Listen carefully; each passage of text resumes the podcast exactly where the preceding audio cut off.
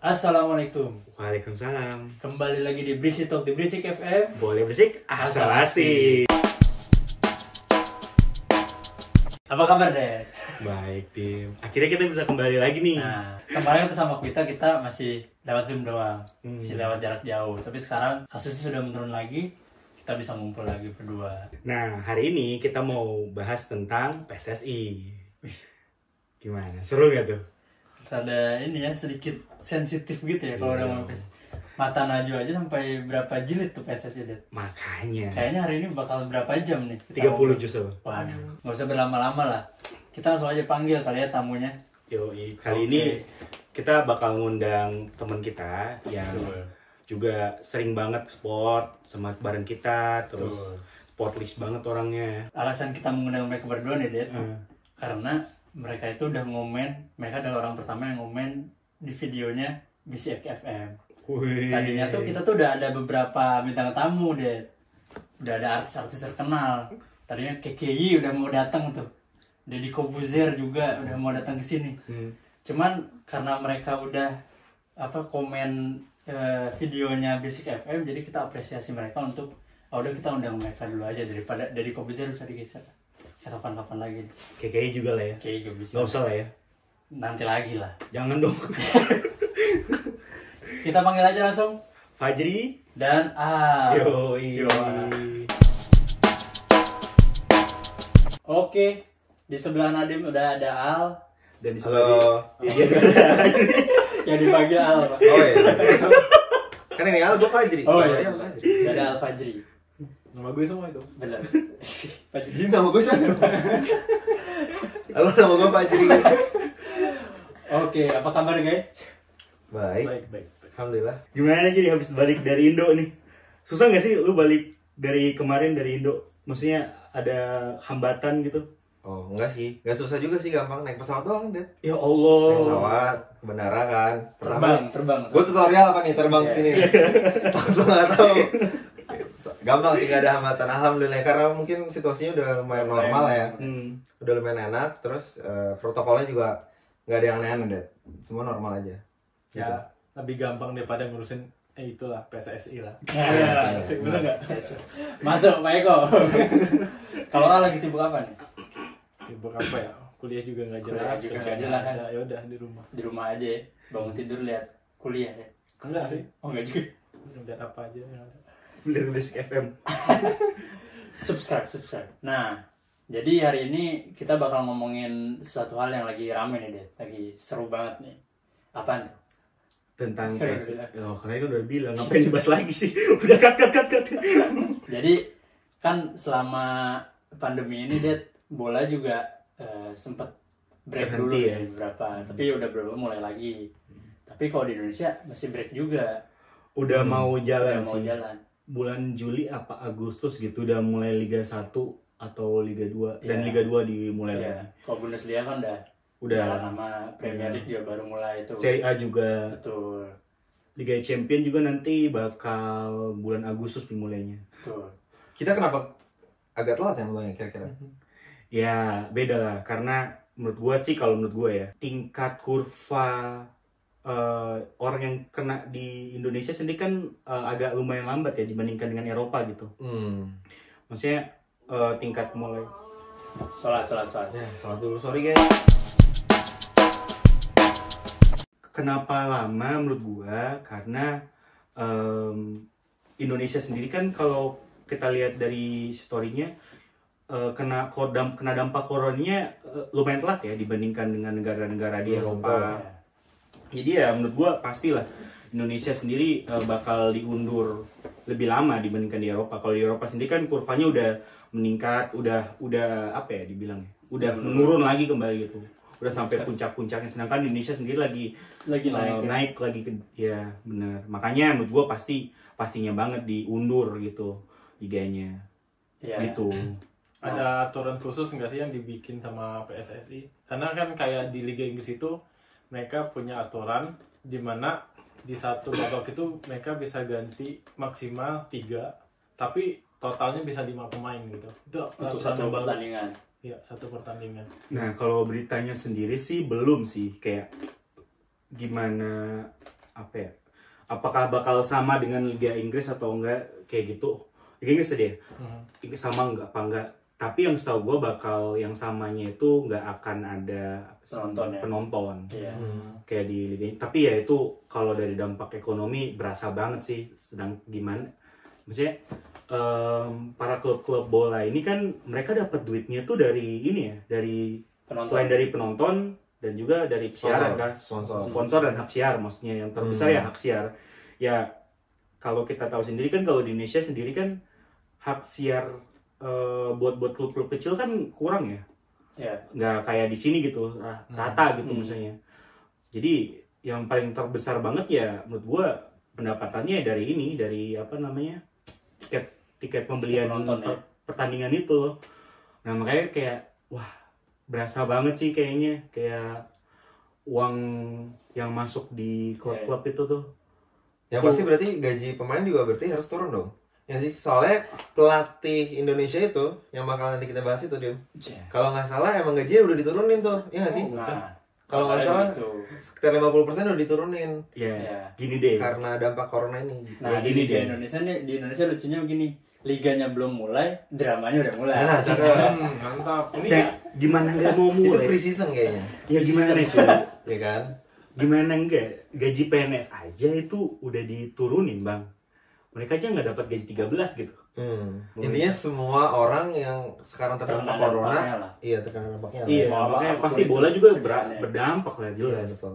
Lagi bola. Nah, lucunya yang tadi gue bilang dramanya di Indonesia udah mulai. Betul. Nah, kalian dengar Apa jangan-jangan itu emang untuk naikin Nah, bisa bisa jadi. juga. ya Tapi kan? Sebelum liga mulai. menurut kalian gimana tuh? Jadi mungkin untuk teman-teman yang belum tahu nih ya, Nadim mesti tahu singkatnya aja, gue kasih tahu singkatnya. Jadi eh, kan kita baru dapet pelatih baru nih timnas, baru-baru oh yang dari Korea ya yang dari Korea. Dulu mantan pelatih Korea dan dia sama Korea bisa ngalahin Jerman waktu di Piala Dunia kan. Hmm. Akhirnya dia datang ke Indonesia, bisa jadi pelatih kita. Nah, karena karena ada corona ini, jadi emang timnas juga kan belum main lagi kan Hmm. di bawah dia. Nah, tentu jadi dia di di ke dipulangin ke Korea dulu lah istilahnya. Nah, di waktu dia di Korea, dia ngobrol sama media Korea dan bilang kalau misalnya PSSI itu ternyata tidak mendukung dia dalam menjalankan prokernya. Hmm. Makanya jadi rame nih sekarang di Indonesia. Orang Indonesia kayak apaan sih apaan sih. Nah banyak juga beberapa hal yang eh, beberapa pihak yang tersinggung gitu sama em, yang dikasih tahu, yang dikatakan sama pelatih Korea ini namanya Shin Tae-yong kalau kan tahu. Sebenarnya yang bikin rame tuh justru mungkin dia karena curhat itu ya Karena sama, curhatnya itu. sama media Korea. Dan orang Indonesia kan kayaknya cepet. Betul. Ya. Cepat kepancing ya. Nah, panas menurut, ya, menurut kalian gimana tuh? Eh, etis nggak sih dia em, curhat ke media di negaranya sendiri tentang kondisi sepak bola di Indonesia? Dat jawab Dat. Alasannya dulu kenapa sebutin kenapa dia itu apa yang dijabarin waktu dia Hari ini emang itu. ininya Dedi doang. Apa? oh gue ceritanya gue ya Alasannya karena salah satunya tidak mendukungnya itu kan Sintayong pengen PSSI itu ngasih kesempatan buat timnasnya training di Oh TC iya benar, di TC di Korea Hmm. Cuma nggak disetujui ya. Tidak disetujui sama PSSI, Hmm. tapi PSSI memberikan opsi untuk TC di Indonesia aja. Hmm, oke. Jadi silahkan TC tapi di Indonesia aja di Korea. alasannya karena corona atau Ya kurang tahu sih mungkin budget mungkin apa. atau Hmm. ya Tapi kan kalau kalau mengirim semua orang ke Korea cukup mahal juga juga. kalau menurut gue gara-gara masalah kesehatan kali ya karena kan kalau misalkan mau dikirim juga pada saat waktu itu kan pandemi lagi pandemi ya penerbangan-penerbangan sendiri kan banyak dibatalin kan jadi dan Ya. banyak negara juga yang em, melockdown negaranya agar tidak banyak turis-turis yang masuk gitu jadi menurut gue sangat normal banget sih kalau misalkan dibatalin jadi kayak karena pemerintah sendiri khawatir sama pemain-pemainnya gitu loh Hmm. kalau menurut gue Cuman menurut gua emang ini jadi blundernya Sintayong ya. Ya. Karena Sintayong juga eh, di Sintayong sendiri juga sebenarnya eh, di expect tinggi sama masyarakat Indonesia. Betul. Kita udah lama banget gak juara nih gitu. Dan dia pernah bawa eh, Korea juara. Nah, untuk sekelas plat atau sekelas eh, pelatih sekelas Sintayong ini menurut gua ini sesuatu hal yang nggak etis sih gitu Hmm. dilakuin. Hmm. Karena eh, dia udah eh, punya titel sebagai pelatih internasional Betul. yang mana oke dia emang di Korea nih gitu oke dia cerita ke istilahnya ya media dia sendiri gitu di Korea cuman kan di sisi lain dia punya titel sebagai pelatih Indonesia nih Iya. kan yang juga yang mana dia harus juga pikirin dong eh, masyarakat atau pencinta bola di Indonesia Hmm. itu sendiri Nah, dia gitu. dibayar sama kita juga Betul. kita bersama Indonesia Betul. Nah di sini sebenarnya secara prosedur mungkin nggak ada yang apa eh, nggak ada yang Menyalahi. di menyalahi ya gitu. Cuman secara etika emang nggak baik sih harusnya emang langsung diomongin aja gitu ke PSSI-nya kan Sintayong dan PSSI-nya gimana baiknya kalau ada perseteruan lah gitu nggak usah curhat ke ke media gitu apalagi ya tahu sendiri lah masyarakat Indonesia sensitifnya kayak gimana Hmm. kan gitu jadi akhirnya menurut gua eh, nggak ada yang diuntungkan sih gitu dari Hmm. dari pre-season drama ini Precision drama yo gitu kalau itu gimana Gue sih kurang mengikuti perkembangannya. Tapi kalau misalnya dia udah ngomong sama PSSI, tapi PSSI-nya nggak mau, Ya. wajar aja sih ketika dia balik ke kampung halaman dia, terus ada media yang nyorot, terus dia ngungkapin rasa hatinya. Hmm, Karena kan ya kelihatan orang-orang kayak Korea kan udah kayak orang West ya, lebih Hmm. apa adanya. Ditanya ya jawab. lebih modern Hmm. Kalau tersinggung mah emang orang Indonesia baperan. ya itu betul sih Nah, tapi Bisa kalau ya. yang itu waktu PSSI diminta tanggapan gimana nih menanggapi apa yang Sintayong bilang, mereka bilang eh, nggak mau berkomentar dulu, pengen nunggu Sintayongnya pulang dulu, Oke. baru ngobrol. Sebenarnya itu menurut gua pribadi keputusan yang bijak sih dari PSSI yang zaman sekarang, zaman sekarang Hmm. PSSI dia memilih untuk tidak mau berkomentar kan kalau nggak untuk salah tidak berkomentar Tidak, dulu. Iya, itu menurut gua eh, jawaban yang bijak lah dari PSSI. Karena emang lebih baik diomongin dulu tuh berdua Iya. gimana sih minta klarifikasi se- sebagainya, baru keluar ke media ke Hmm. masyarakat gitu. Daripada kayak sekarang kayak simpang siur nggak jelas kan gitu. Benar Kayak Masalahnya, Cintanya- iya. Sorry, sorry, sorry. masalahnya belum belum main sama sekali ini timnas di bawah betul, Sintayong betul, kita tuh belum tahu Official official tuh belum kita nggak tahu nih timnas di bawah Sintayong itu sebagus apa atau sejelek apa apa yang harus dievaluasi. Belum main tiba-tiba Kenapa "Ah, ada nih?" drama Korea apa ini drama Korea? Iya. ya tapi yang mau gimana Korea kan. tapi gimana Ri. pandemi kan soalnya. Tapi ya mau gimana ya lagi pandemi gini jadi ya susah juga kalau kita mau berharap yang jelas kita harus nunggu sih sebenarnya nunggu aja sih. nunggu sampai ya udah berjalan kembali normal liga udah berjalan seleksi maksudnya seleksi udah bisa dijalankan lagi udah bisa di pertandingan-pertandingan match antar friendly match itu antar Hmm. negara udah bisa terjalankan baru kita bisa melihat sih daripada soalnya kayak kayak gini ya kita mau berharap gimana gitu kan Iya. pertandingan aja nggak ada gitu gimana mau mau berharap maksudnya masa kita udah kayak udah expecting ya emang sih namanya juga pelatih pelatih bagus ya udah punya nama ya di Iya. internasional jadi ya orang pasti ba- bakal expect tinggi banget sih sama pelatih ini Tapi menurut kalian gimana sih? Kenapa sih Indonesia harus punya pelatih luar gitu? Kenapa nggak? Kenapa harus Iya, menurut yang kalian lokal gitu? atau enak mana deh menurut kalian? Kayaknya mendingan udah yang lokal-lokal aja deh gitu. Ya nggak sih? Kalau gue sih dari dulu pengennya coach Justin jadi Justin. pelatih Indonesia. Justin jenis jenis Iya. Justin. Oh, iya. Soalnya kalau dia ngomong kayak dia ngerti Justin banget Bieber. gimana perilaku orang-orang Indonesia, Hmm. masalahnya apa aja. Dia kan berhasil tuh pas di futsal Indonesia oh Justin iya iya iya ngerti Justin, nah. iya. dan dia galak lagi dan dia galak dan dia mau disiplinin. Jelek Karena dia punya background dari pendidikan dia di waktu dia masih di Belanda. tapi kan di, Nah. beda kan dia dia emang ya backgroundnya emang ada gitu tapi maksud gua backgroundnya tuh di futsal gitu Mhm.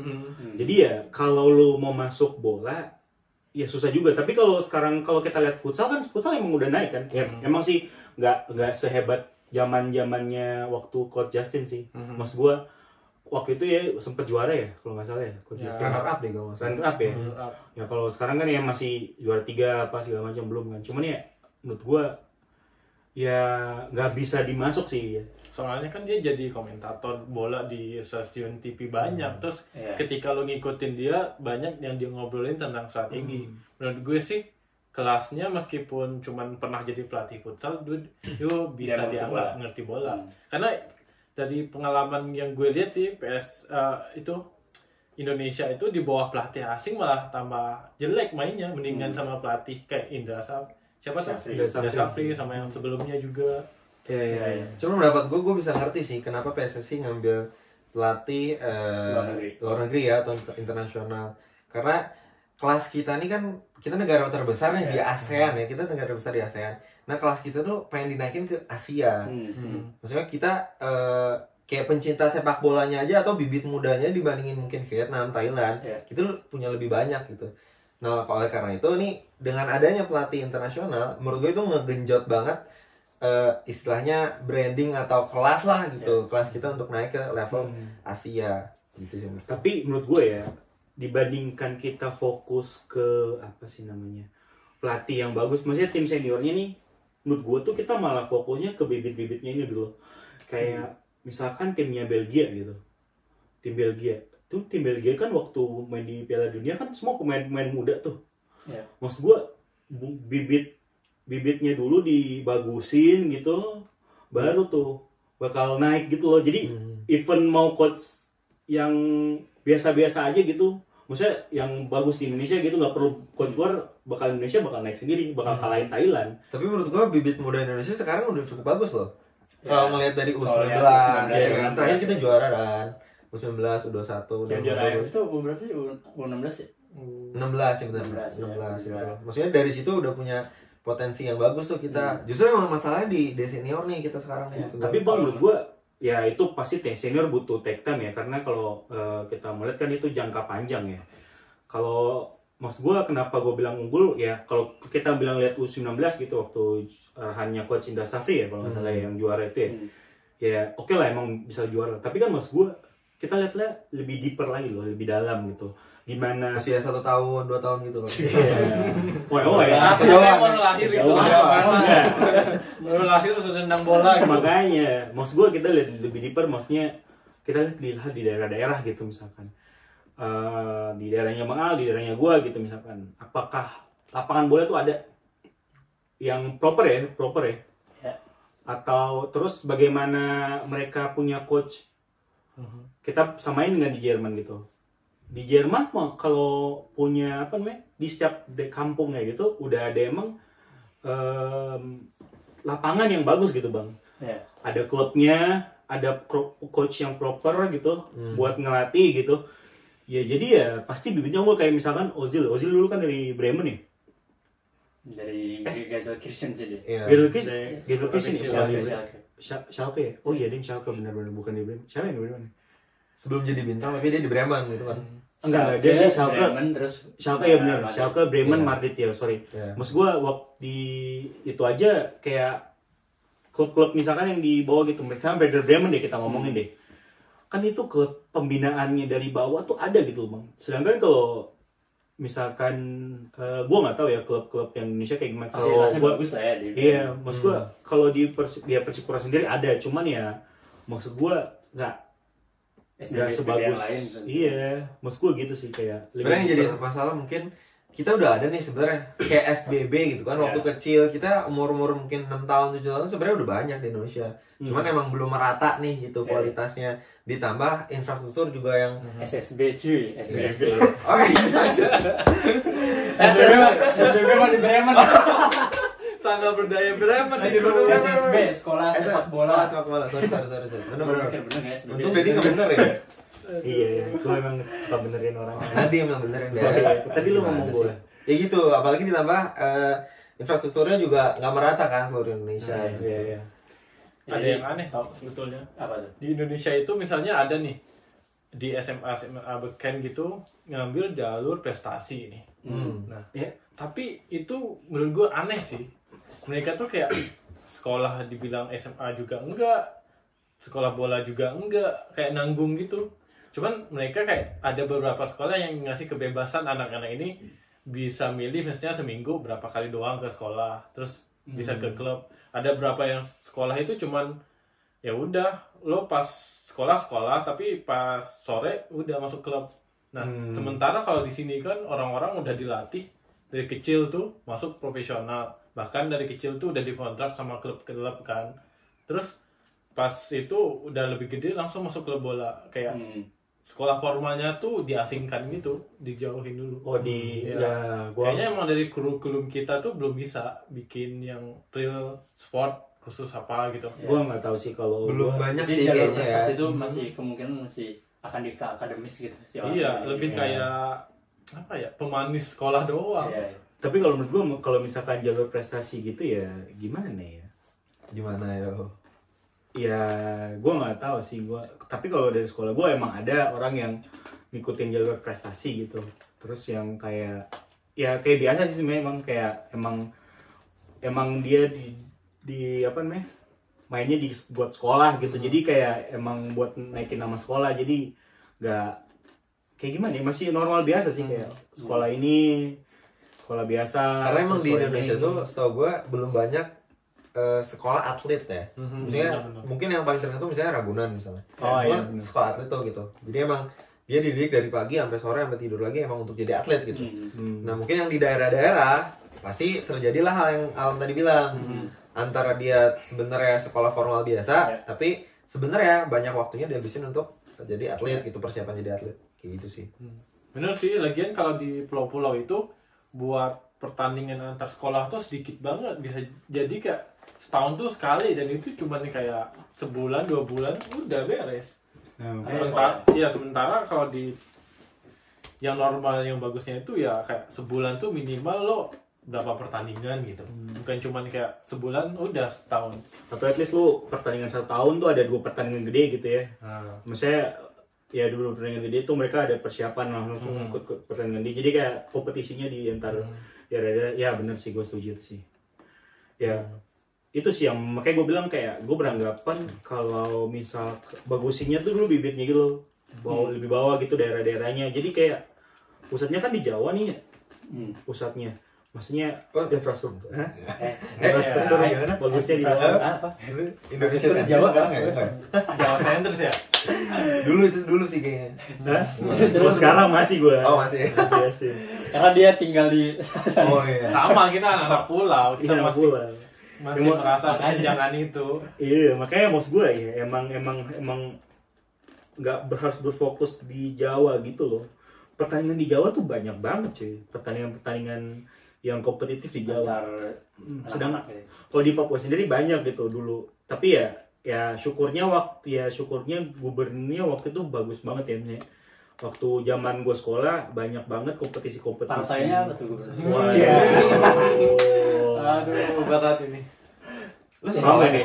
Mau nggak nih? Mau nggak Lanjut nih? lanjut lanjut. Ya, ya. Dan tuh sekolah deh. Ya, sekolah dong. Sekolah gue paling bagus soalnya di Jayapura. Ya, Jayapura ya Jayapura udah kota deh Iya, Iya. maksud gue, tapi ya Kalau lo Jayapura nggak bisa dihitung daerah sih. Oh, iya benar Loh, Iya, udah dong. Lu eh, jangan lu mall nggak Jayapura. ada mall nggak Ada. Ada. Tapi kan juga ada. tempat Tapi gue kan- ada mall masalahnya Enggak, tapi maksud gue kita perbandingannya jangan yang sekarang gitu. Perbandingannya pada saat waktu gue udah bisa berpikir gitu. 80-an gitu, tahun 80-an. Enggak dong, waktu gue bisa berpikir dong. Kalau Oh, 80-an kan gue masih di orang tua gue masih belum ketemu cuy. Makanya maksud gue kalau lu misalkan dan Jayapura mestinya jangan yang sekarang gitu ya. Kalau sekarang ya Jayapura emang Bagus ya. Gue kayaknya udah bagus lah, udah udah. Kan nanti pon juga di di sana kan. Iya, pon, pon- maksudnya udah, iya udah sampai disediain apa namanya gedung gede gitu, terus udah desain infrastrukturnya sama pemerintahnya gitu, maksud gua. Jadi nggak bisa samain dengan Jayapura sekarang. Maksudnya kalau jama- samain dengan Jayapura yang 10 tahun yang lalu apa 20 tahun yang lalu yang masih gua waktu masih kecil sampai gua Hmm. SMA gitu kan itu kan emang masa-masa di mana em, pemerintahnya sendiri, eh, maksudnya kotanya sendiri itu yang masih kota membangun, masih masih membangun kotanya kan. Hmm. Lu masih pakai Kok enggak Ini dong? biasa. Itu Jangan. kalau menurut saya jadi keras. Enggak dong. Kalau Parah. parah parah Berarti lo lebih berpendapat mending bibitnya dulu deh. Mending budgetnya ini buat bibit daripada buat pelatih gitu. bibit dan infrastruktur Oh. Kalau tadi ngatain kalau tadi Fajri eh, apa pelatihnya biar menggenjot gitu ya. Ya. Pelatihnya dari luar negeri untuk biar menggenjot. Iya maksud gua kenapa PSSI dia mungkin salah satu alasan ya kenapa PSSI memutuskan untuk ngambil pelatih internasional menurut gue itu salah satu jadi kan maksudnya negara lain juga oh pelatihnya siapa nih oh terkenal nih orang Korea itu misalnya Nah situ mungkin secara tidak sadar bisa naikin level kita ke level Asia. Gitu sih. Kalau hal tadi coach Justin lah ya. Kalau gue sendiri, gue kalau misalnya emang budgetnya ada, eh, nggak apa-apa ngambil coach luar negeri asal memang berkualitas dan Hmm. ngerti gitu pasar pasar apa medannya di persepak bolaan ASEAN atau persepak bolaan Asia itu kayak kayak gimana. Makanya gue tuh paling seneng sebenarnya eh, selama pelatih timnas ini, gue paling seneng Alfred Riedel. Alfred Riedel tuh dia uh, sebelumnya kan pelatih Laos sama Myanmar kalau nggak salah. Nah dia tuh udah ngerti em, apa eh, medannya persepak bolaan ASEAN itu seperti apa. Jadi begitu dia ke Indonesia, buktinya kan bisa ngebawa Indonesia ke final AFF. Ya Situ. kalah ya Dan kalahnya Gara-gara ada drama juga. Laser, Nah, laser. itu. Nah dan cepet Iya, iya. keluar dan balik lagi balik lagi ke final lagi gitu kan. Hmm. Nah, jadi memang eh, kalau memang kualitas pelatihnya bagus, kenapa enggak? Cuman sayangnya dari PSSI ini nggak mau mempertahankan pelatihnya lama-lama gitu loh.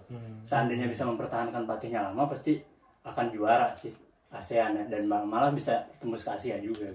satu coach eh, apa sih coach dari coach Justin bilang pelatih itu bukan pesulap pelatih Nah. itu harus kayak Jurgen Klopp dia datang ke Liverpool bilang gue butuh waktu lima tahun buat bentuk Hmm. tim sampai jadi juara kalau kita baru dua tahun dipecat belum sempat jadi udah dipecat dulu Nah, salah satu Nah. dramanya Sintayong ini eh Sintayong ini dituntut atau misalnya Sintayong tuh menjanjikan gitu ya ke ke pengurus-pengurus PSSI ini kalau misalnya Indonesia bakal juara Hmm. juara ini juara eh, AF- AFF. Nah, itu mungkin jadi jadi kelas juga di situ. Iya, iya. Saat Sintayong menjanjikan itu dan minta ini itu ini itu, tiba-tiba eh, PSSI-nya nggak mau nerima gitu. Mungkin di situ juga jadi salah satu dramanya begitu.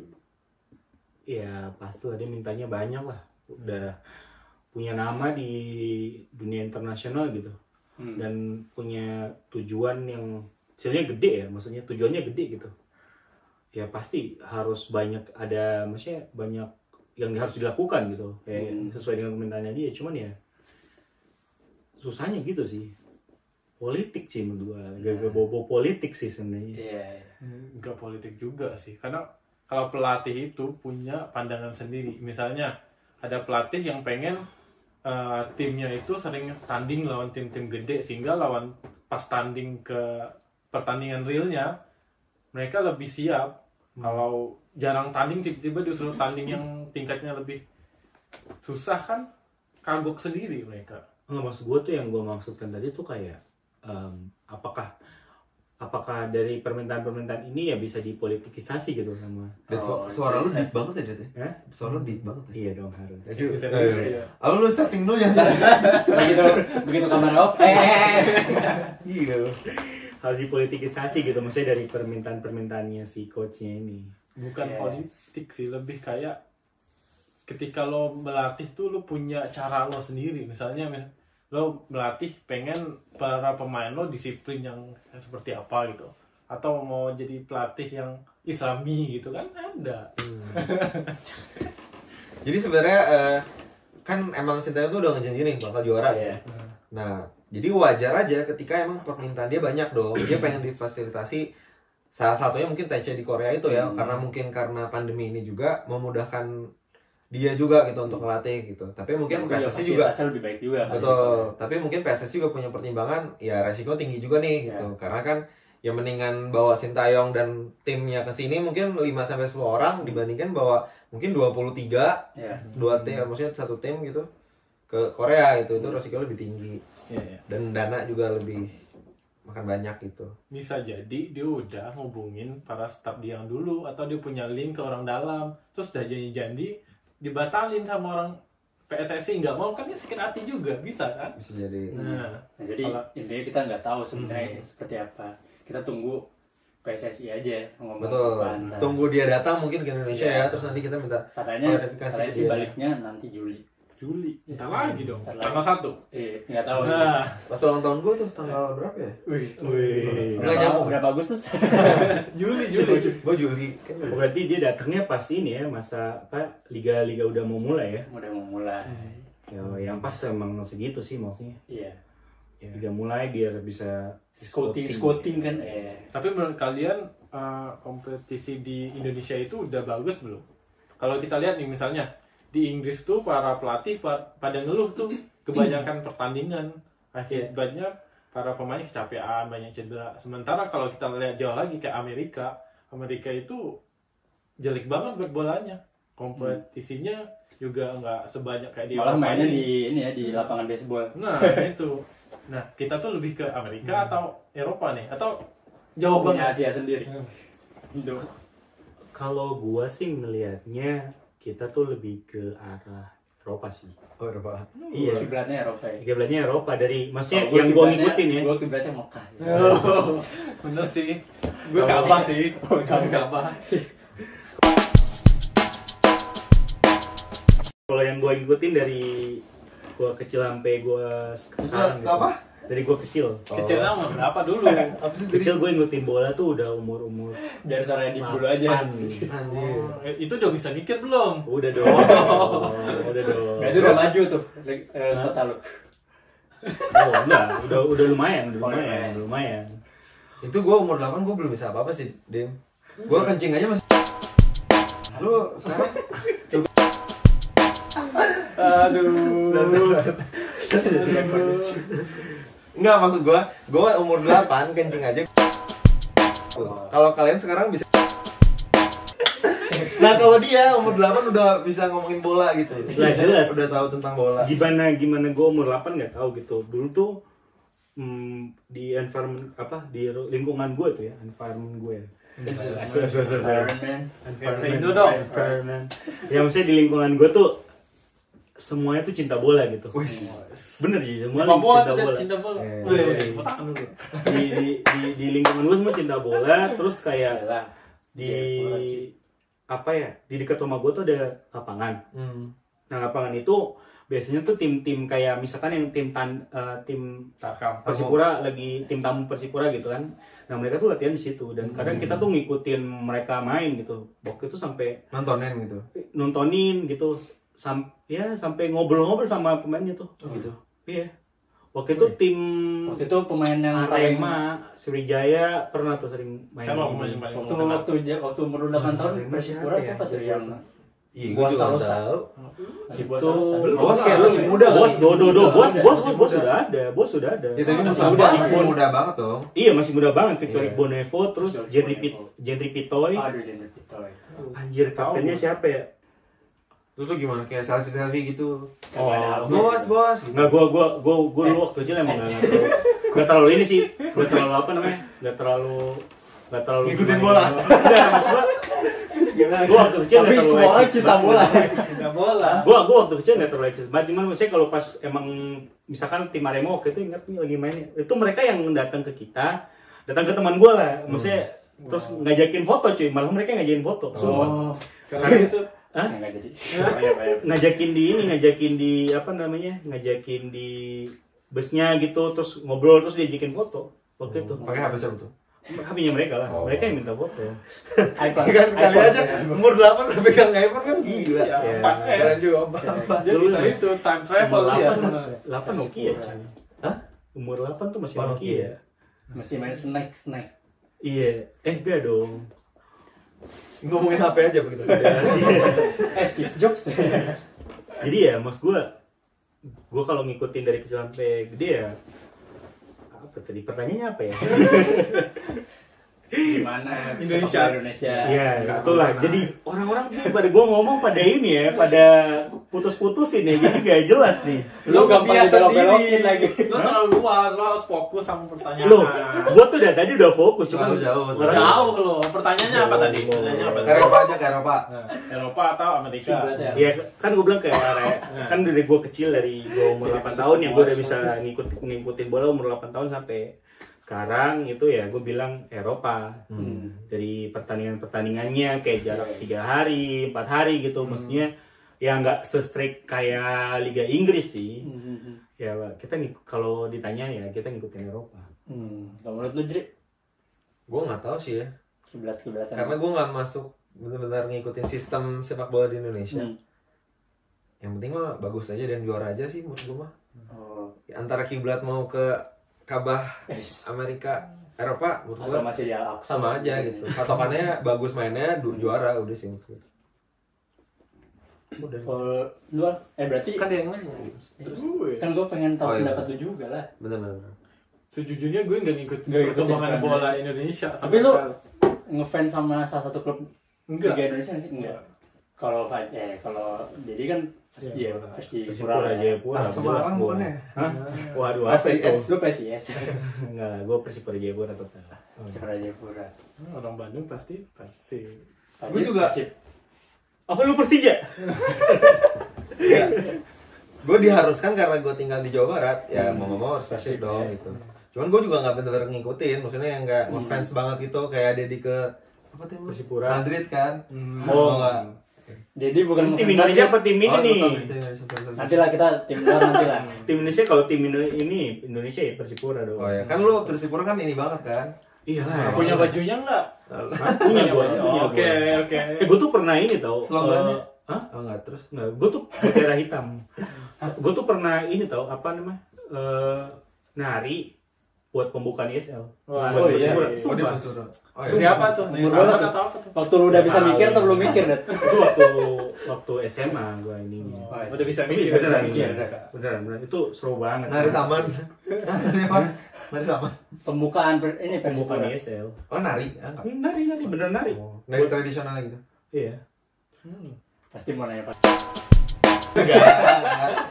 kan gue nggak Nggak tahu. nggak maksudnya gue tuh nanya nari apa gitu Oh, nari iya. apa tak karyanya tari saman kan Aduh, gue lupa nama tariannya. lupa ya. Lupa. kalau Cuman aku sih kokondayo kan aku sih kokondayo kan Kalau Itu lagu gila. kalau gua ngerasa ada tariannya cuy tapi kalau menurut gua eh, dari apa ya misal kayak klub-klub besar bikin stadionnya sih eh, mencoba kualitasnya kualitas eh, Eropa ya Hmm. misalnya di Bandung GBLA terus eh, kita punya GBK juga lah yang udah terkenal. Terus katanya sih ada yang mau bikin stadion di Jakarta yang tahu ya. Terus Oh, udah ini itu ya. BMW ya BMW katanya. Nah terus itu sponsornya BMW ya atau enggak sih? Oh gua kurang tahu. Atau namanya doang Yang, BMW yang bermasalah itu kan? kita sudah terhubung dengan bapak. Jadi emang halo pak. mencoba terus terus. mencoba membuat apa show-nya menarik terus menarik di Eropa sih memang eh, Hmm. orang Indonesia yang mencobanya gue sih ngeliatnya gitu karena emang bola kayaknya Kiblatnya paling- Eropa sih. iya mencolok ya Eropa sih kalau basket mungkin baru ke Amerika Benar. apa Pipin nah Filipina, Asia. Asia, bosku. Tapi kalau kita bicara ya latihan di Eropa itu keras banget. Maksudnya buat fisiknya. Sementara kalau Indonesia itu para pemain di babak pertama oke masih bisa kayak ngelawan itu. Wah kalau udah babak kedua udah bisa Nah. dibantai gitu. Nah dari situ aja kita udah bisa nilai kita itu secara latihannya masih kurang banget. iya iya Hmm. oh ya satu tuh jadi eh, pernyataan Sintayong ke Sintayong Iya. Oh, kalau nggak salah ya yang Salah bikin satu. salah satu yang bikin Rame. rame itu bahwa dia bilang bahwa pemain Indonesia tuh maksimal 20, 20 menit doang. Hmm. main nah itu hal yang bikin masyarakat Indonesia oh masa lo pelatih sendiri masih iya lu kan yang latih gitu masa Iya. lu bilang kayak gitu juga Nah, harusnya men- daripada ngejudge seperti itu mending mencari strategi yang Hmm. baru Walaupun sebenarnya emang mungkin beneran ya Hmm. realitanya itu gitu. Cuman mungkin secara ya itu, secara etika menurut gua nggak baik lah orang dia yang ngelatih kok Hmm. malah dia kayak ngebilangin kekurangan apa-apa gitu. Tapi bener sih, harusnya pelatih kayak pelatih suatu negara itu nggak ngurusin fisik pemain lagi. Cuma strategi dan gimana nerapin strategi itu. Nah, kalau misalnya fisik itu balik ke klub, makanya wajar sih kalau bilang si pelatih itu protes. Hmm. Emang kita sendiri yang baper. Iya. Itu jadi emang setuju sih. tanggung jawab si klubnya itu sendiri. Klubnya. Gue setuju sih. Kayak gue dulu kalau misalnya nonton timnas itu, kalau misalnya awal-awal udah ngegolin nih, udah menang 1-0, jangan seneng dulu, ntar paling kalah berapa menit kemudian. Atau sebalik kalau udah misalnya awal-awal udah kalah 2-0, ah udah nggak bakal nyusul, jangan berharap lebih banyak. Karena emang eh, keseringan gitu sih, si fisiknya cuma bertahan berapa menit doang. Itu juga bisa harus dipertanyakan tuh, kenapa fisiknya orang Indonesia cuma 20 menit doang? Apakah salah makan? Maka Iya. latihannya Atau kebanyakan makannya? Apa ya? Kan kalau kebanyakan makan susah gerak dong. iya. iya. Atau kebanyakan makan yang nggak sehat. pemerintah Nah, masa pemerintah Gimana? juga Salah disalahin? pemerintah ya gue sih nggak tahu sih tidak kalau- gizi yang baik. Gue kalau kayak gitu ya no comment sih ya. Maksudnya itu kan eh, kembali lagi dari timnya gimana apa pemainnya kayak gimana. Kalau menurut gue eh, kalau misalkan kompetisinya bagus kompetisinya bagus kompetisinya kompetitif pemain pasti tuh bakal mengembangkan dirinya gitu. Sebaik mungkin gitu. Misalkan kalau kita bahas di Eropa deh. Eropa ya kompetitifnya sangat bagus gitu. Sangat kompetisinya sangat bagus dan eh, tim sebenarnya di antar tim guys kompetitif banget gitu loh. Jadi ya pasti gimana maksudnya pasti pemain sendiri berusaha sebisa mungkin menunjukkan terbaik gitu. Hmm. latihan terus terusan nah jadi ya kalau menurut gua kalau ditanya ya mungkin bukan karena makan karena apa ya? Karena kompetisinya sendiri gitu. Hmm. kalau emang, kayak gitu berarti emang kompetisi kita belum layak. Belum kalau menurut gua kurang ya kalau yang sekarang ya. Kalau tapi zaman zamannya dulu 2008 2009 sampai 10 yang kayak Persipura juara empat kali tuh. Eh Iya. lima kali. Iya, iya. jenderal itu kan. Nah itu kan sampai eh, Liga Asia gitu. Hmm. nah itu tuh menurut gua kompetisi di situ yang seru banget di situ. Maksudnya gua ngikutin banget waktu itu ISL kayak wah di situ seru banget sih kayak Sriwijaya tuh lagi naik naiknya Lawan Persib juga lumayan tuh. Persipura banget naik naiknya nah itu tuh kompetisinya seru gitu mestinya Hmm. kalau yang sekarang gua lumayan gak ngikutin karena menurut gue ya Udah nggak seru. udah nggak seru gitu kayak em, Mungkin tim lu tim yang lu dukung udah tidak bagus deh. Hmm. tim Gua yang sebagai juara. Benar. Gua sebagai orang Bandung ngikutin Oh. seru loh. Nggak. Apalagi versi Persija lagi secara di atas. Nah, bisa jadi mungkin ya, bisa jadi mungkin. Loh, gua nggak tahu kan. Ya, sekarang kan Persipura punya Lagi punya- turun. Bu, iya karena re- regenerasi. Iya, Regenerasi kayak ya nggak mungkin dong kita mau mainnya Boas Salosa lagi. iya, iya. Gua Terus salah lagi. Hmm. enggak dong. Ricardo Sampesi. Sampesi lagi. Manggil Jenderal Pitoy lagi. Jadi udah keluar.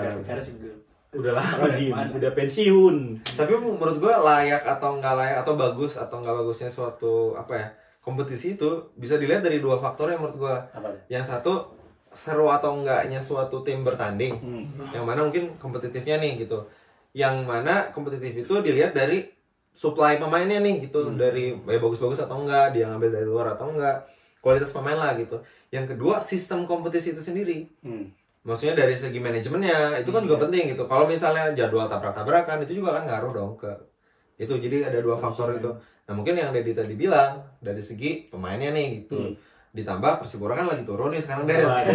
Ya kan? Jadi emang lagi kurang seru Regenerasi, nih. bosku, Untuk Dedi untuk jadi kurang seru. Bahasanya regenerasi bukan sekarang. turun ya. bukan turun lagi ya kalau gimana sih namanya tim baru dibuat lagi kan kayak ibarat Miami Hits eh Miami, Miami. Chicago Bulls Chicago Bulls Oh, yang Chicago Bulls. Last Dance kemarin. Bulls. Chicago Chicago Chicago Bulls Chicago Bulls. Chicago Bulls yang kemarin waktu Let's Dance terakhir kan Let's Dance, yo eh, kalah terus timnya di rebuild lagi ya pastilah jelek lagi kan Iya, iya. sampai sekarang Iya, udah nggak terlalu bagus gitu Jadi nih ya, kita masuk ke closing aja nih. Harapan kalian ya untuk sepak bola Indonesia kira-kira apa? Dari Dini dulu. Enggak lah, dari ujung dari ujung sana. Dari Dini. Dari ujung sana. Kalau harapan gue ya, seperti yang tadi gue bahas-bahas tuh, ya gue berharap um, Persipura juara. Persipura juara. Oh jelas lah, jelas lah. Jangan. Nah, enggak, enggak. Gue berharap um, semua fasilitas yang di Indonesia tuh merata. Um, terus coach, maksudnya plat sistem sistem apa ya? Sistem pem, pembibitannya tuh bagus gitu. Jadi jadi ke depannya tim seniornya juga ya bakal pasti bagus gitu siapa pun pelatihnya pasti bak- bakal tetap bagus kalau Hmm. bibitnya bagus gitu menurut gue jadi ya gue berharap fasilitasnya bagus sistem buat eh, pembibitannya juga bagus gitu doang harapan gue Gue ya. Jadi, Ntar gue mikir dulu. Oke, terima kasih Fajri ya. Tunggu ini. Iya, eh, karena kita sekarang lagi rame PSSI, menurut gua dan kemarin juga kayak gua nggak tahu sih setelah PSSI lagi rame lagi. iya eh gimana ya? karena kita PSSI eh karena PSSI lagi rame lagi dan gua nggak tahu sih sekjen itu kemarin kan Ratu Tisha itu kayak baru diganti deh ya Padahal menurut gue Ratu Tisha tuh eh, profesional banget sebagai sekjen gitu. Bagus lah mungkin di, di cuma dia tertekan waktu itu Nah itu dia mungkin kayak pressure-nya banyak. Kasian. Mungkin kebanyakan orang politik di situ ya bisa. Iya. Hmm, benar benar. Yang mana dia kerja kan sebagai profesional. Nah berarti eh, menurut gua masalah nomor satu adalah profesionalitasnya harus ditingkatin. Karena itu ngaruh banget ke semua lini dari mulai yang dari bilang pembibitan muda dari situ, maksudnya dari profesional itu bisa muncul sistem dari sistem baru gitu ya, maksudnya dari mulai pembibitannya, usia mudanya sampai misalnya yang senior. Eh, jadi dari PSSI-nya itu sendiri ditambah mungkin eh, sistem atau eh, klub-klub lah Hmm. yang harus memperbaiki eh, manajemennya, mungkin Fisiknya. Fisik, yang maksudnya termasuk eh, kualitas-kualitas pemainnya juga. Kurang lebih itu sih maksud gua kalau basicnya kita udah bagus, Ya. membanginnya juga bagus, mau pelatihnya siapa aja betul bisa juara gitu sih. Hmm. oke Ah, Oke, kalau gue sih dari PSSI yang gue harapin yang ada di PSSI minimal cuma 20% lah orang politik. Kalau sekarang Hmm. kan 80 ke atas ya. Wih, Iya. tinggi banget ya. Tinggi banget. Aja aja. ketua dan itunya. Bursa-bursanya juga. Nah, kedua karena gue pengen balik ke tempat gue nih nanti balik. hmm. gue mau mulai itu dari kampung-kampung di mana gue kayak mau ngajak orang-orang anak-anak kecil ini dididik jadi profesional profesional yang diajarin gimana makan yang sehat latihan yang sehat sampai fisik ketika ketika mereka punya apa kemauan untuk jadi atlet mereka tuh udah punya basic yang kuat gitu loh bukan tiba-tiba udah SMA tiba-tiba pengen jadi atlet atau Hmm. itu kan udah kayak telat gitu loh Iya. itu doang sih harus mulai dari yang kecil sehingga kalau udah lingkungan tambah gede tambah gede nasional bahkan lebih bagus Hmm. setuju gue sama mereka bertiga oke gitu Cukup sekian.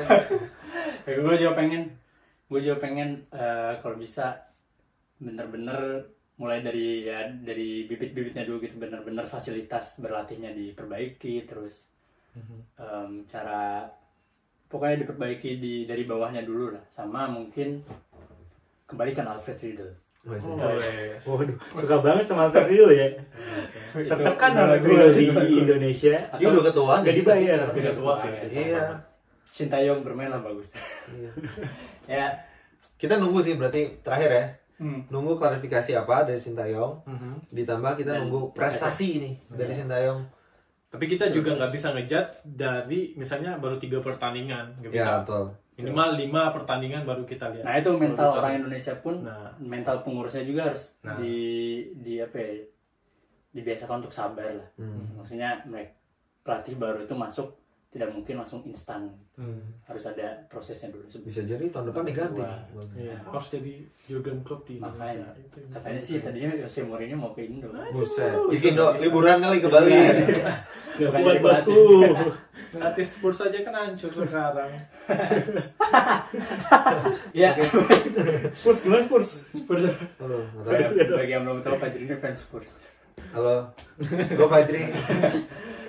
oke baik teman-teman semua eh, terima kasih udah pada nonton tapi sebelum kita tutup kita ada hadiah buat eh, Fajri dan Al juga nih. Oke. Wih. Makasih Bim. kita kan makan siang ya Nah, ke apa nih intinya? Boleh buka Fajri. sekarang atau? nah nanti aja di rumah Buka lah please. Nah ini di rumah gue gimana dong? Udah bisa ngambil. sebelum sebelum Fajri dan Al buka atau Al dan Fajri buka jangan lupa like, komen dan subscribe ya Bersih FM. Boleh berisik asal asik Wih kamera coy. Wih. Buset. iPhone 6. Eh iPhone 6.